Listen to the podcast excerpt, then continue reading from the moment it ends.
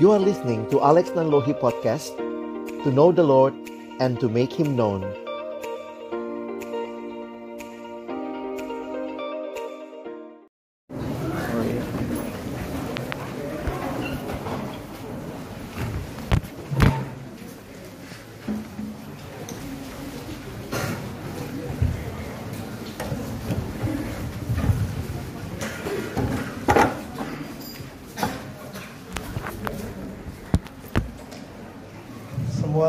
dapat duduk dengan baik. Masih belum ada yang pakai TV di ruang sebelah kan? Oke, jadi silakan yang dari luar boleh masuk lagi. Kalau ada bangku yang kosong, kayaknya harus diisi ya, supaya teman-teman yang lain bisa duduk. Bangku saya isi aja dulu, nanti gampang sesudah ini. Silakan kita mengimajinasikan khotbah Yesus di bukit ya.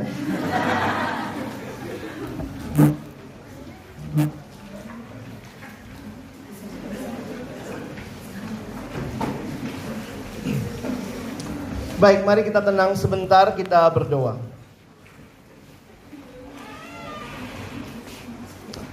Bapa di dalam surga kami bersyukur kepada Tuhan Kesempatan ini Tuhan berikan kepada kami untuk datang memuji memuliakan namamu. Dan tiba waktunya untuk kami membuka firman-Mu ya Tuhan. Karena itu kami mohon ketika kami membuka firman-Mu Bukalah juga hati kami.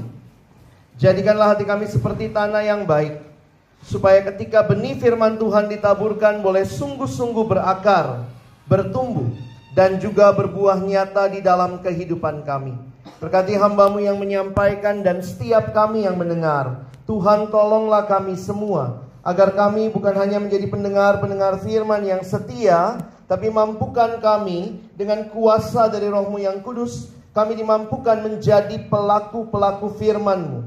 Di dalam hidup kami. Di dalam masa muda kami. Bersabdalah ya Tuhan. Kami umatmu sedia mendengarnya. Di dalam satu nama yang kudus, nama yang berkuasa. Nama Tuhan kami Yesus Kristus.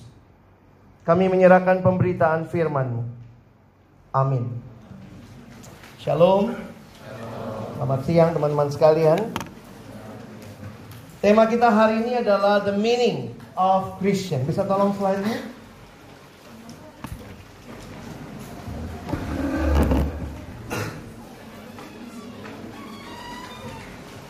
Wah di luar masih banyak ya. Bisa tolong geser mungkin buat teman-teman yang lain ya. Penuhi sebelah sini dulu.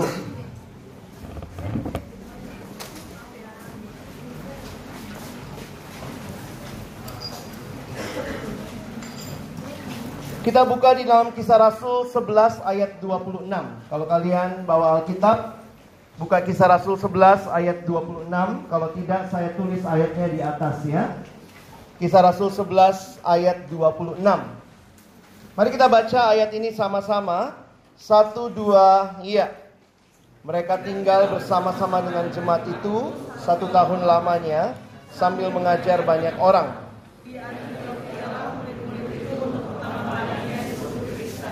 Perhatikan kalau kita mau bicara hari ini the meaning of Christian, apa artinya? Menjadi orang Kristen? Silakan boleh cari tempat yang nyaman.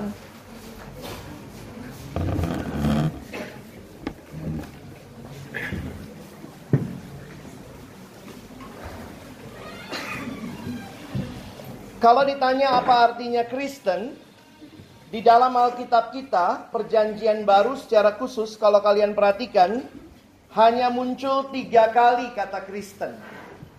Sayangnya kalau terjemahan LAI Indonesia, kalian searching Kristen, munculnya kalau tidak salah bisa enam atau tujuh kali.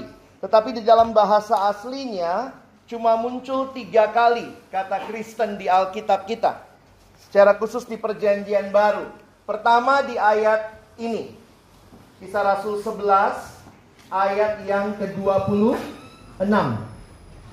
Jadi perhatikan dikatakan mereka tinggal bersama-sama jemaat itu. Siapa yang tinggal kalian nanti bisa lihat itu Barnabas dan Saulus. Lalu nanti muncul lagi di akhir kitab Kisah Rasul. Itu muncul di Kisah Rasul pasal 26 ayat 28.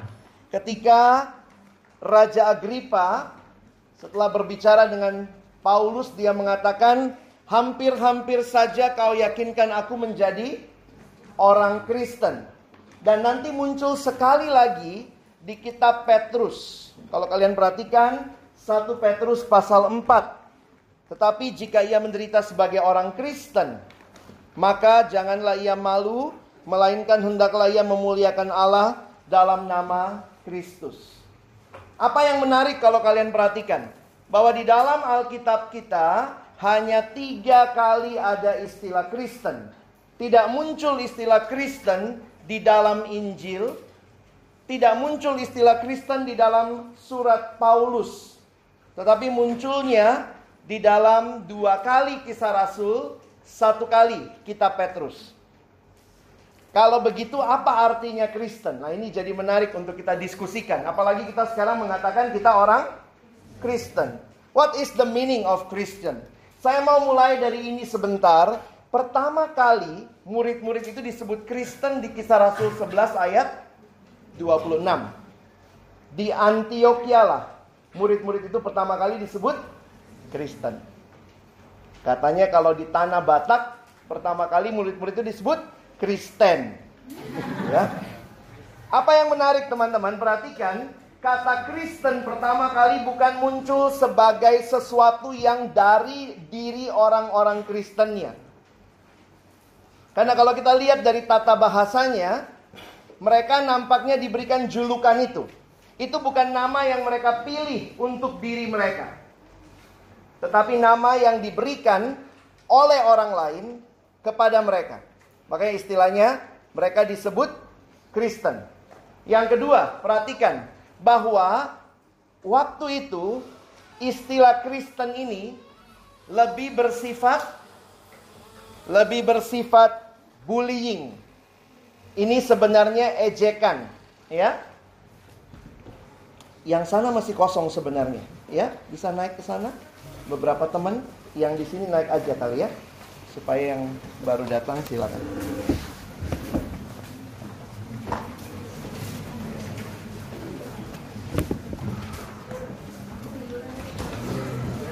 Bangkunya juga bisa digeser sedikit supaya ada teman-teman bisa duduk di lorongnya ya.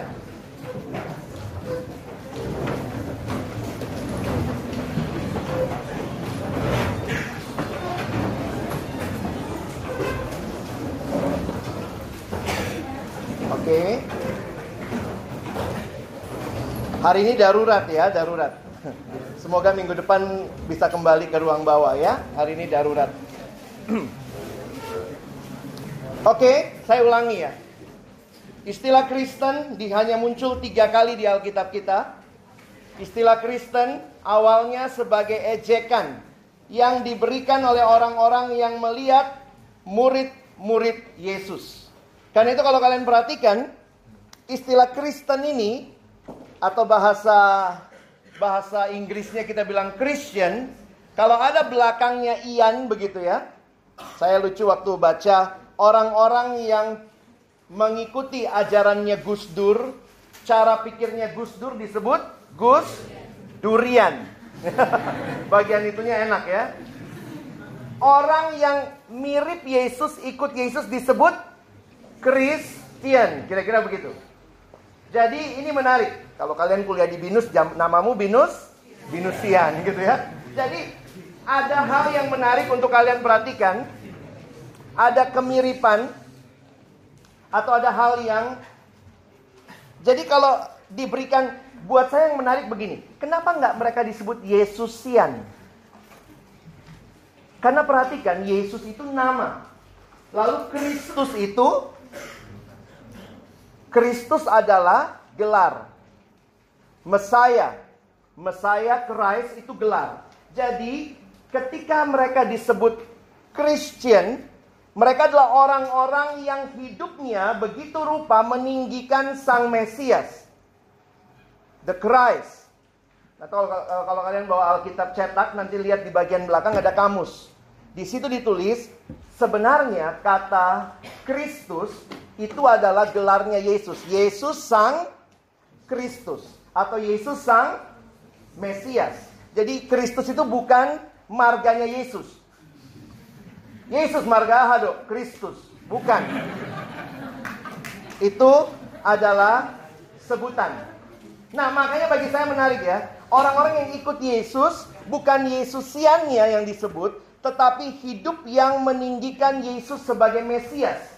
Karena itu mereka disebut Chris, Christian. Jadi teman-teman bisa membayangkan, menjadi orang Kristen di abad pertama itu bukan hal yang enak karena ini adalah sebuah ejekan. Bayangkan sampai dibilang begini ya. Hampir-hampir saja kau yakinkan aku jadi orang Kristen, kayaknya jijik banget gitu. Waktu Paulus bicara sama Agripa, Hebat dia ya. Dalam pembelaan di depan Agripa pun PI dia. Pemberitaan Injil. Sampai si Agripa bilang, gila lu. Kira-kira kalau pakai bahasa kita ya. Hampir saja kau yakinkan aku jadi Kristen. Ikut sekte penyesat itu. Kira-kira begitu. Cara mereka menyebut tentang Kristen. Nah pertanyaan saya begini. Kalau demikian, istilah apa yang dipakai untuk menyebut orang-orang yang ikut Yesus sebelum ada kata Kristen. Karena kan di sini baru ya, eh sorry, hilang. Halo. Ah, kalau di sini baru disebut Kristen, maka sebelumnya mereka disebut mu murid. Makanya teman-teman kalau lihat ya, ini sedikit kata murid salah satu ada suatu sebutan yang umum digunakan dalam Alkitab secara khusus untuk perjanjian baru menunjuk kepada pengikut Yesus sebelum mereka disebut dengan istilah Kristen. Jadi bisa paham sekarang? Murid itu apa? Kristen. Kristen itu apa? Murid. Jadi kalau iseng silakan cari ya. Hitung. Jadi kata murid di dalam Alkitab Perjanjian Baru, di dalam kitab Injil itu banyak sekali. Termasuk juga dalam kitab kisah Rasul. Jadi kalau kita coba simpulkan, yang namanya Kristen itulah murid. Yang namanya murid adalah Kristen. Karena itu ini bukan hal yang terpisah. Seringkali saat ini tanpa kita sadari, kita atau gereja memisahkan itu. Misalnya orang nanya, oh Kristen ya? Iya, mau ikut pemuridan. Seolah-olah ada opsi jadi Kristen tanpa harus jadi murid. No, Apalagi ini memang yang menarik ya. Kadang-kadang pemuridan kelompok kecil dianggap sebagai program. Karena itu ditawarkan. Kristen ya, iya. Mau ikut pemuridan seolah-olah opsi. Tapi kalau kalian bisa memahami, sebenarnya setiap orang yang Kristen adalah murid. Dan setiap murid sebenarnya harusnya hidupnya menyatakan Yesus yang hidup di dalam dirinya. Apa yang dinyatakan lewat hidup saudara dan saya? Apakah waktu orang lihat hidup kita, orang bisa melihat Kristus? Ini yang dia tinggikan, yang dia sembah bukan studinya, bukan uang, bukan popularitas, tetapi dia meninggikan Yesus, Sang Mesias. Saya kadang suka mikir gitu ya, waktu orang lihat hidup kita, siapa yang mereka lihat? Coba di kampus ada nggak temanmu begitu lihat kau, ih Yesus banget kau, ih Yesus banget. Ada nggak yang gitu? Hah? Belum ya? Loh, waktu orang lihat hidupmu apa yang dia lihat? Kadang kita malu ya, apalagi anak baru ya. Apalagi anak baru rasanya jadi Kristen di tengah mayoritas rasanya gimana gitu. Tapi bagi saya justru kalau orang lihat hidupmu, orang akan tahu kamu siapa atau siapa yang kamu ikuti dari bagaimana kamu hidup. How you live will tell others who you really are. Jadi ini bagi saya jadi perenungan buat kita. Identitas kita, ini kadang ada kadang enggak ya. Nah, identitas kita sebagai murid Kristus. Ada nggak ya, saya suka mikir gitu ya. Ada nggak ya orang tua yang pingin banget anaknya makin hari makin mirip tetangga? Hmm? Tetangganya artis kali ya. Orang tua yang normal ingin anaknya mirip dia. Saya waktu besuk teman, ini teman kelompok kecil dari kuliah. suami istri teman KTB kami. Lalu waktu dia uh, melahirkan anak pertama, kami datang besuk ke rumah sakit. Uh, tetap sih yang waktu itu melahirkan istrinya ya, bukan suaminya. Waktu kami datang pas habis menyusu, jadi ya ibu anak pertama lalu dia bilang sama saya, teman saya yang cewek yang bilang, Lex lihat anak gua. Saya liatin, namanya masih bayi kecil tutup mata gitu ya. Lihat anak gua. Jidatnya kan jidatku, hidungnya hidung papanya. Tiba-tiba papanya marah dari sebelah. Mama! Jidatnya jidat papa, hidungnya hidung mama. Lalu mereka berantem itu, hidung jidat, hidung jidat, jidat. Ya ampun, saya mikir yang namanya juga produk bersama ya. Pasti rada mirip sana, rada mirip sini. Tapi di situ saya baru ngeh betapa bangganya orang tua anaknya mirip dia. Ini anakku. Waktu Tuhan lihat hidupmu dan hidupku dari surga, Tuhan waktu lihat kira-kira Tuhan ngomong apa ya? Ini anakku, persis kan? Mirip kan? Atau Tuhan juga bingung gitu. Kamu nyanyi, aku anak raja, kamu anak raja, kita semua anak siapa? Nggak mirip. Jadi kalau belum ada yang bilang kau, Yesus banget kau.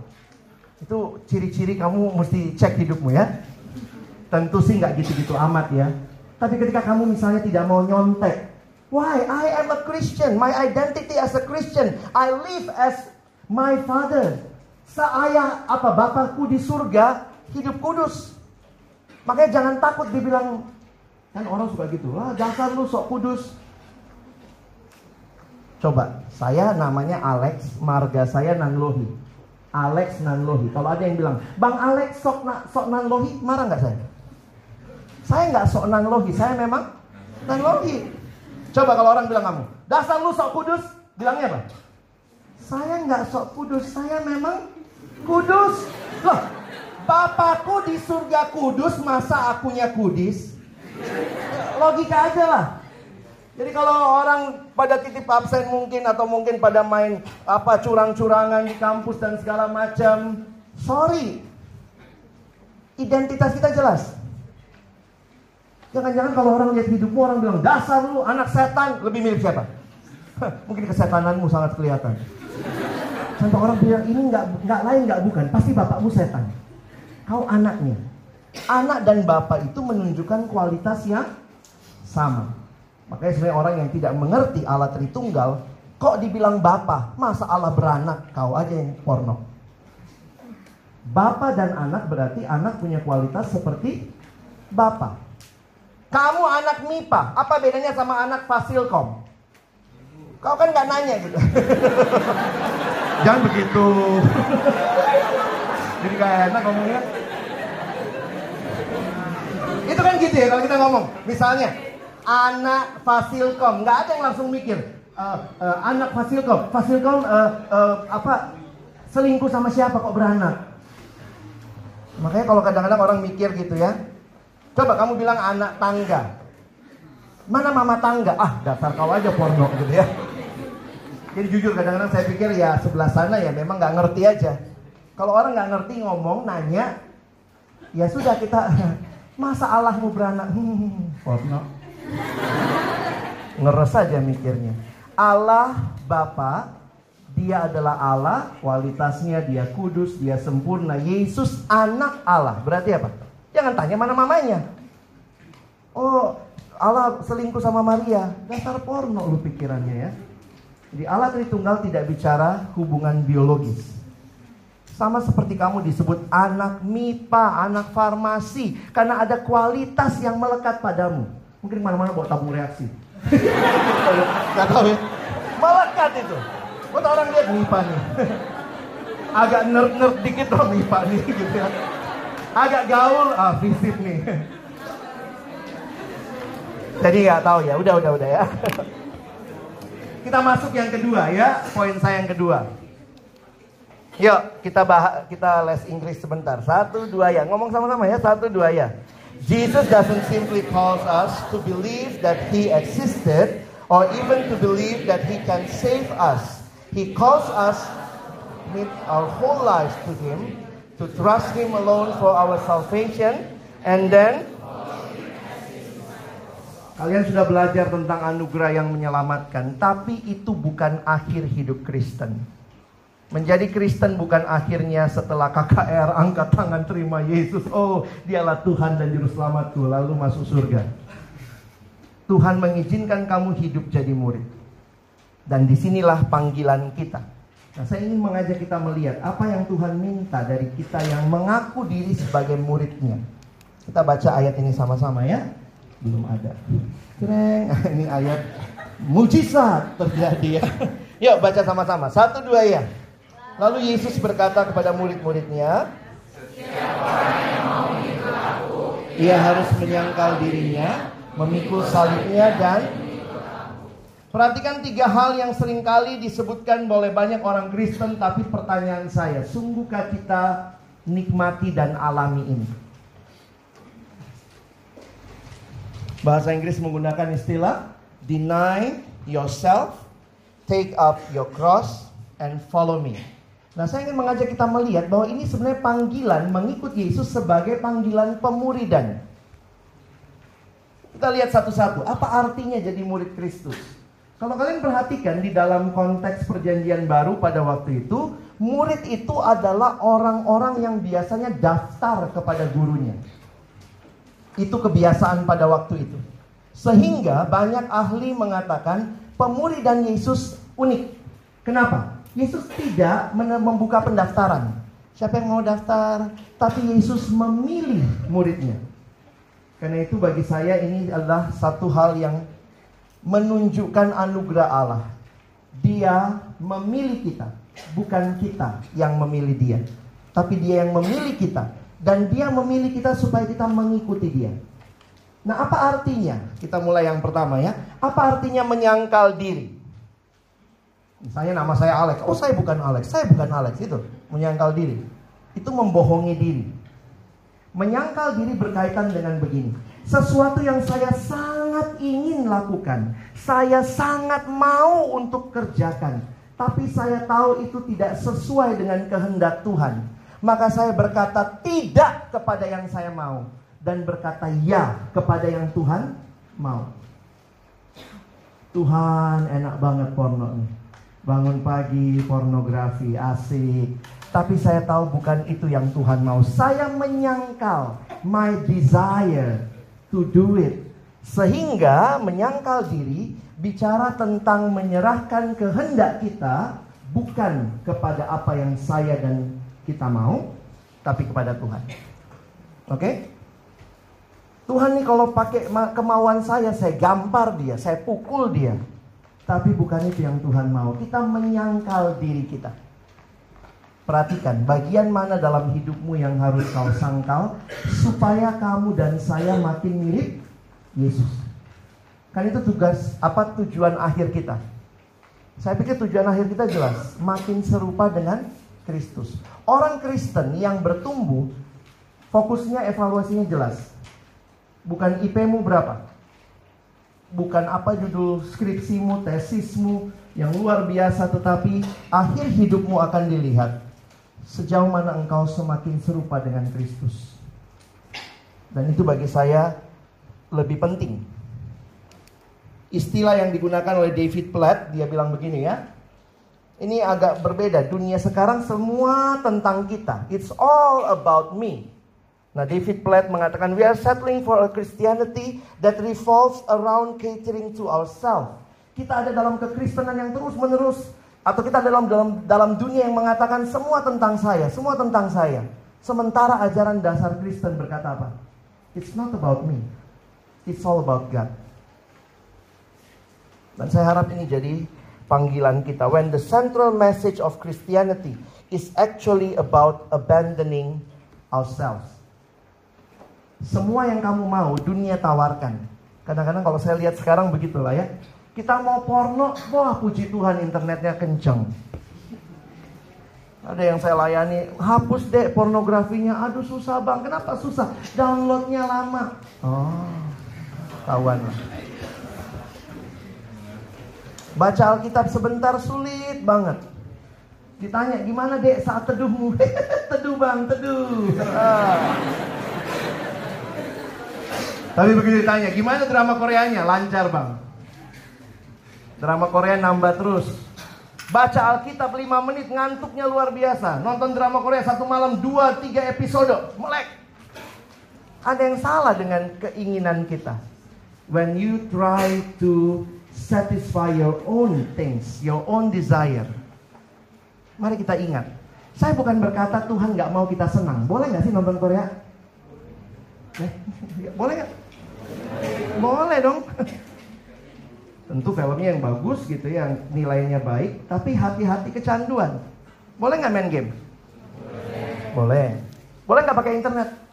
Ya boleh lah. Mau kuliah juga kan ada yang mesti dicari di internet. Tapi pertanyaannya, apakah kemudian kita mengikuti semua yang kita mau? Dan akhirnya kita nggak ikut yang Tuhan mau. Jadi ini menyangkal diri ya. Kita baca sama-sama. Satu dua ya. Menyerahkan kendali hidup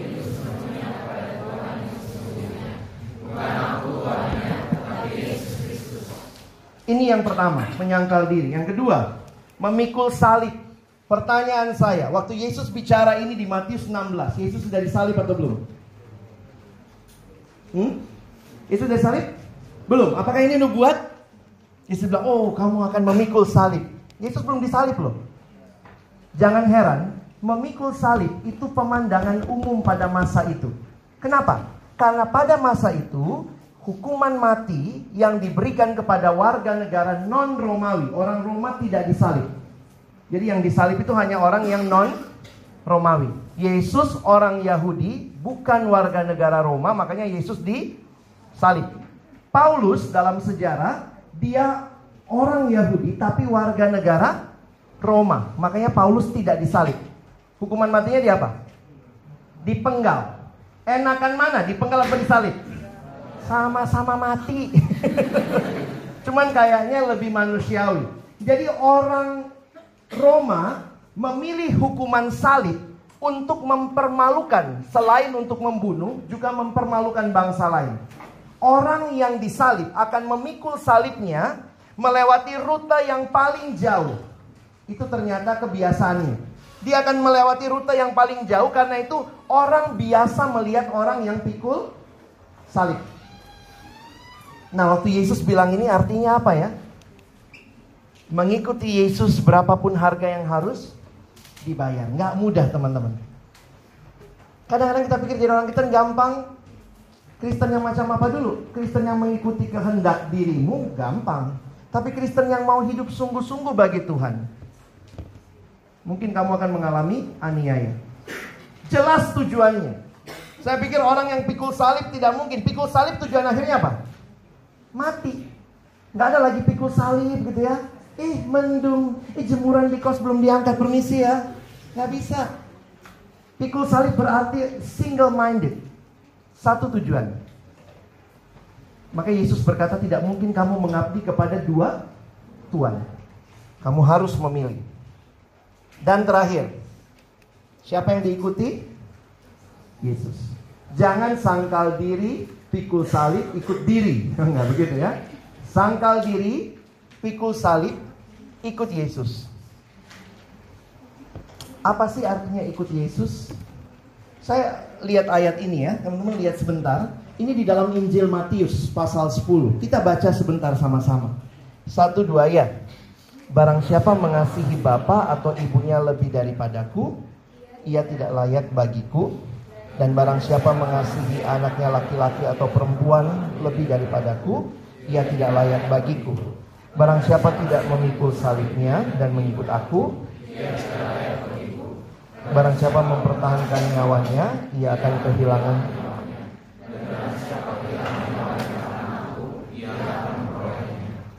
Ini Yesus minta kita ikut. Ini Yesus yang macam apa sih? Ngeri juga loh. Waktu saya renungkan ini, sebenarnya saya jadi sadar perekrutan Yesus lebih gila dari ISIS. Mau ikut aku kata Yesus. Benar mau ikut. Kau harus mengasihi aku lebih dari segalanya. Pernah ditodong nggak? Ada yang pernah ditodong? Pernah nodong mungkin? Coba, orang kalau ditodong biasanya pertanyaan dasarnya apa? Hah? Ini ya? Oh, kalian udah tahu kan? Penodong semua nih kayaknya. Rampung. Bisa kalau mau ditodong bilangnya apa? Harta tahu? Nyawa. Coba abang tanya, yang mana yang lebih berharga? Harga, harta atau nyawa? Kamu pakai atau? Uh, dikitikin kalau sampai mati. Coba, saya sampai sekarang masih bingung ya. Saya kalau misalnya ada orang datang mau mau nodong, lalu dia nanya harta atau nyawa, kayaknya tunggu dulu. E, bentar om, kita diskusi dulu. Maksudnya kalau saya jawab nyawa, kau ambil harta gitu ya? Gimana pengertiannya? Harta atau nyawa? E, sebentar. E, kalau saya jawab nyawa, terus? Gitu. Lari ya, itu paling gampang. Bagi saya orang kalau datang nodong ya kasih uang lah, pasti dia juga mau uangmu gitu ya. Tapi kalimat ini jadi menarik nih. Mana lebih penting buat teman-teman? Harta atau nyawa? Nyawa ya? Tunggu, coba pikir dulu nih. Mana lebih penting, harta atau nyawa? Nyawa ya, benar. Setuju ya? Ngapain punya harta? Itu rumah siapa? Rumah dia. Itu helikopter dia baru beli. Itu gunung dia juga kemarin baru tebus. Dianya mana? Mati tadi pagi. Jadi mana lebih penting, harta atau nyawa? Nyawa. Tapi kalau punya nyawa, mau punya harta sedih juga ya. Makanya Tuhan Yesus bilang, mintalah makanan kami yang secukupnya. Sekarang abang tanya, sekali lagi jawab ya. Mana lebih penting, harta atau nyawa? Nyawa. Yakin ya? Dua-duanya. Kalau kamu bilang dua-duanya itu nggak milih namanya. Itu himpunan semesta. Anak MIPA soalnya susah ini ya. Kalian mesti memilih. Ini tidak ada arsiran. Sekarang perhatikan. Ini jawab dalam hati ya. Jadi kalau ditanya, mana lebih penting, harta atau nyawa? Sekarang jawab dalam hati, mana lebih penting? Nyawa atau Yesus?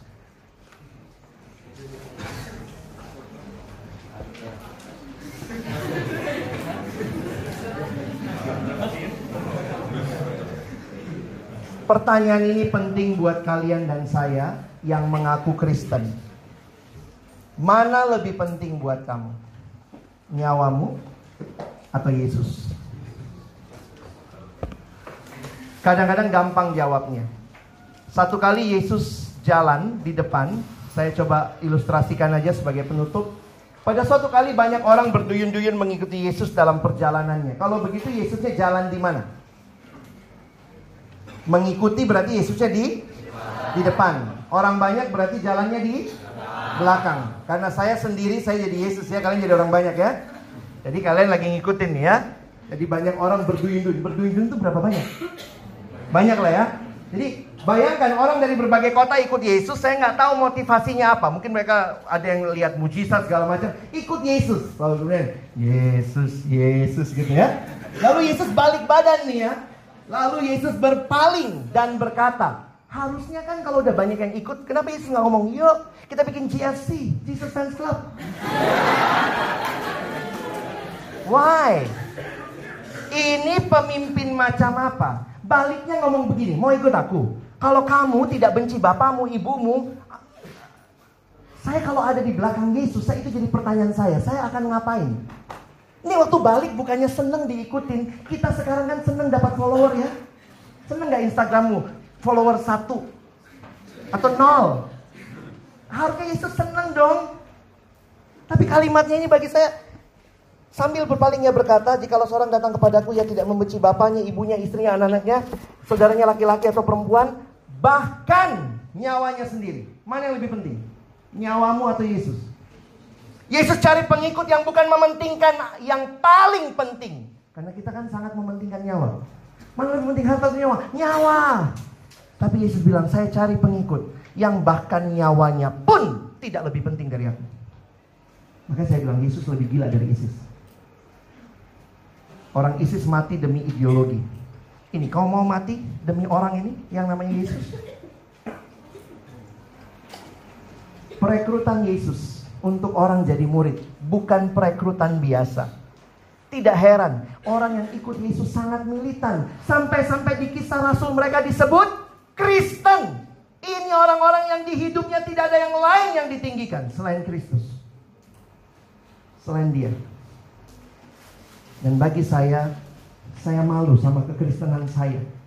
Saya malu, saya ngaku Kristen. Tapi ternyata saya lebih cinta pornografi, saya lebih cinta drama Korea, saya lebih cinta hawa nafsu saya, saya lebih cinta hal-hal yang tidak menyenangkan Tuhan. Kalau itu kekristenan kita, Sebenarnya that is what Jesus meant by a Christian. Kalimat ini menarik ya. Barang siapa kehilangan nyawanya karena aku, berarti mana yang lebih penting? Akunya, Yesus. Rela kehilangan nyawa, tapi Yesus ditinggikan. Tidak heran sepanjang sejarah, banyak orang jadi Kristen, tapi harus mempertaruhkan nyawa. Saya tutup dengan kalimat ini dari buku Not a Fan, bukan seorang penggemar. Penulisnya bernama Kyle Idleman menggambarkan begini. Bayangkan berbagai hal yang berharga bagi kita. Yesus, keluarga, pacar, sahabat. Bayangkan lomba lari. Ini semua lagi di garis start. Untuk merebut tahta hati kita. Lalu apa yang terjadi? Yesus mau jadi nomor berapa?